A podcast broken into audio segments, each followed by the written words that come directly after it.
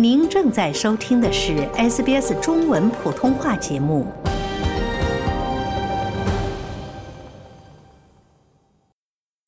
二零二四年二月五日，在中国被拘留的澳大利亚公民杨恒军被北京一家法院以间谍罪判处死缓。而在本周，他的亲友在一份声明当中表示，杨恒军已经决定放弃上诉了。声明称，拘留中心的恶劣条件已经摧毁了杨恒军的健康，提出上诉只会进一步拖延医疗援助。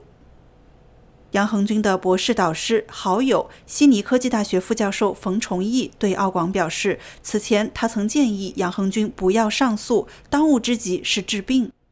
他表示，他们现在希望放弃上诉，可以为杨恒军申请保外就医，甚至是人道主义释放扫清道路。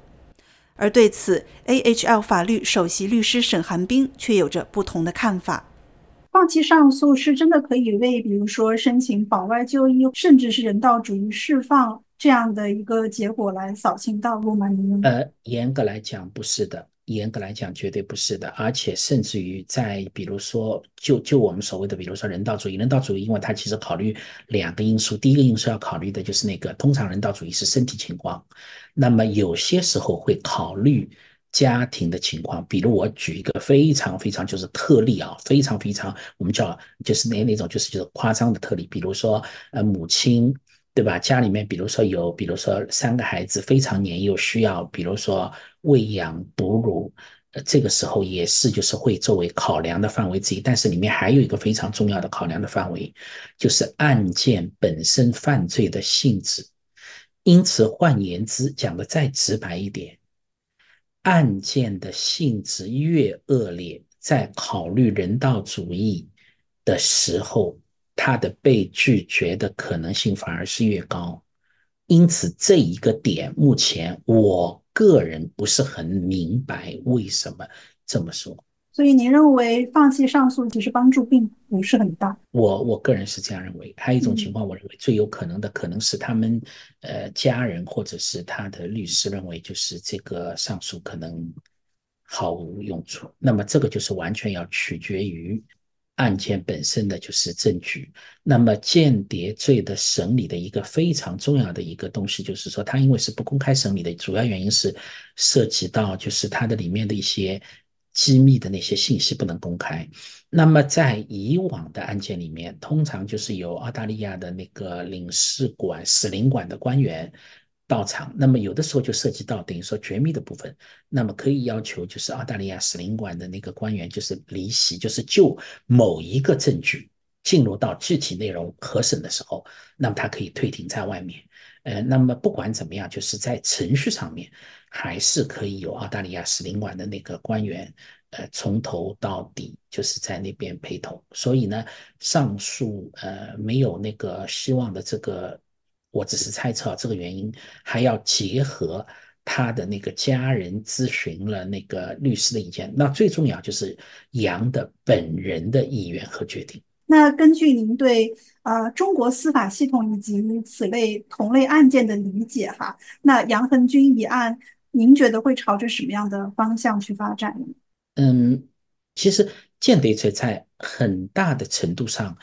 讲的再严格一点，它既非刑事又非民事案件，在某种程度上面，特特别是涉及到两个国家之间的那个间谍之间的案件呢，一般它其实是一个政治案件。那像这类政治案件，那么通常情况下。会通过就是两个国家的外交人员进行政治上的那种，呃，抗议也好，呃，斡旋也好，呃，谈判也好，来进行协调。那么我也很坦率说，呃，按照以往的惯例，按照以往的惯例，像这类案件，基本上我们就是说。高高举起，轻轻放下，因为就像陈磊当年判的也是很重的，最后还是让他回到就是那个呃澳大利亚来进行，比如说哪怕说治疗也好，哪怕什么也好，不管出于什么原因，我们就讲实质结果，还是会将他等于说释放，对吧？那么把他就是驱逐出境。所以呢，就是杨的案件，我个人认为呃，虽然现在判的是死缓，但是杨在呃监狱里面就是老死的这种可能性，我个人认为呃完全不存在，而且我甚至于个人认为，呃，在不久的将来，他也会像陈雷那样，就是会被就是保释驱逐出境，然后回到澳大利亚生活。那您觉得澳大利亚政府现在在杨恒军一案上面应该做些什么？可以做些什么呢？呃，还是这样，就是我认为，就是这个关键时机、大环境，然后在那个政府的博弈上面，特别是政治环境的影响，对澳大利亚政府，他现在就是进行呃干涉也好、抗议也好、斡旋也好、谈判也好，其实起的实质性的作用，要就是占据主要部分。但是这里面，我认为。这就是澳大利亚可能就是还有一个地方，我认为不是很就是它又又有利又没有利，就是因为羊毕竟是澳大利亚籍的那个公民，那么它有利的地方呢，就是说它的冲突，澳中两国的冲突不如目前美中两国的冲突如此的尖锐，这是这是第一个，我认为这对羊可能是一个好的地方，但弱的地方就很多东西它都都一分为二。弱的地方，也就是说，你你洋，甚至于如果不在，就是你不是美国公民，只是澳大利亚公民，只是西方阵营里面比较偏弱的国家的一个公民，那么呃，他的那种就是标杆性或者叫做典型性就变得很弱了。所以在目前这个情况下面，完全取决于就是在中西方两大阵营，特别目前就是以美国为首的西方阵营，那么再加上澳中关系之间微妙的这种。改动，这将是决定阳的结果的一个非常非常重要的大环境的因素。至于谁是总理啊，谁哪个党政党上台，我认为是可以就忽略不计的，完全取决于中国政府在目前的大的政治环境下面，愿不愿意用杨这样的一个案件来向西方表示一些什么东西。那么现在情况有一点点困难，因为最近就是王毅外长近期在很短的时间里面拜访了许多国家。那么第一，当然他是批驳那个就是许多国家，就是我们用一个词，就是这个王毅外长在讲话里面用到的这个词叫做去中国化。那么从另外一个角度，西方现在有很多国家等于说在开始跟中国，我们用一个词叫做脱钩。那么在这个大环境下面。那么羊的案件，中国政府比如说是否用羊的案件来做一个姿态？因为我们现在面临的一个非常就是直接的问题，就是大量的呃外资外商离开，这是一个不争的事实。大量的等于说外贸订单的急剧的断崖式的下降，这是一个不争的事实。现在在政治上的割裂是很明显的，呃，而且就是现在的割裂，我可以很坦率的讲。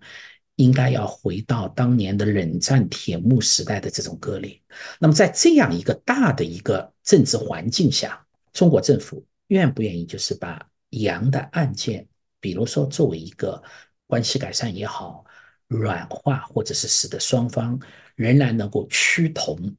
那么，在这个上面，我认为其实是决定了杨案件的个案的最后的走向。应该来讲，就是现在，因为在一个非常关键的一个时刻，嗯，特别是在冲突就是非常激烈，呃，几乎我认为已经到了临界点，就是一个炸药桶就是一点就着的地步。那么在这个时候，杨的案件会不会是比如说软化双方关系的这样一个契机？那么完全取决于。就是目前的中国政府他们的呃外交的那个主导的那个理念，所以我认为杨案件从这个上面，同时也可以看出，那么中国接下来的就是下一步的就是跟西方集团的这种就是呃对立也好，呃是不是想要就是更进行进一步的关系改善？因为从那个王毅外长最近的这么频繁的外交的访问来看，从他的所有的讲话的报道来看。他们是试图想要跟西方社会进行关系的改善的。嗯，那总的来说，就是杨恒军这个案子，它背后的意义以及案件的一个作用，其实都是非常重大的。对很多政治案件，特别是我们所谓的叫做政治间谍案件，呃，它跟那个经济情报案件又不一样。政治情报案件到最后实际上都是政治的博弈，而最后往往解决的那些就是结果契机，完全取决于最后两个国家、两个集团最后的政治的协商和妥协。归到个人来讲，其实他的罪行，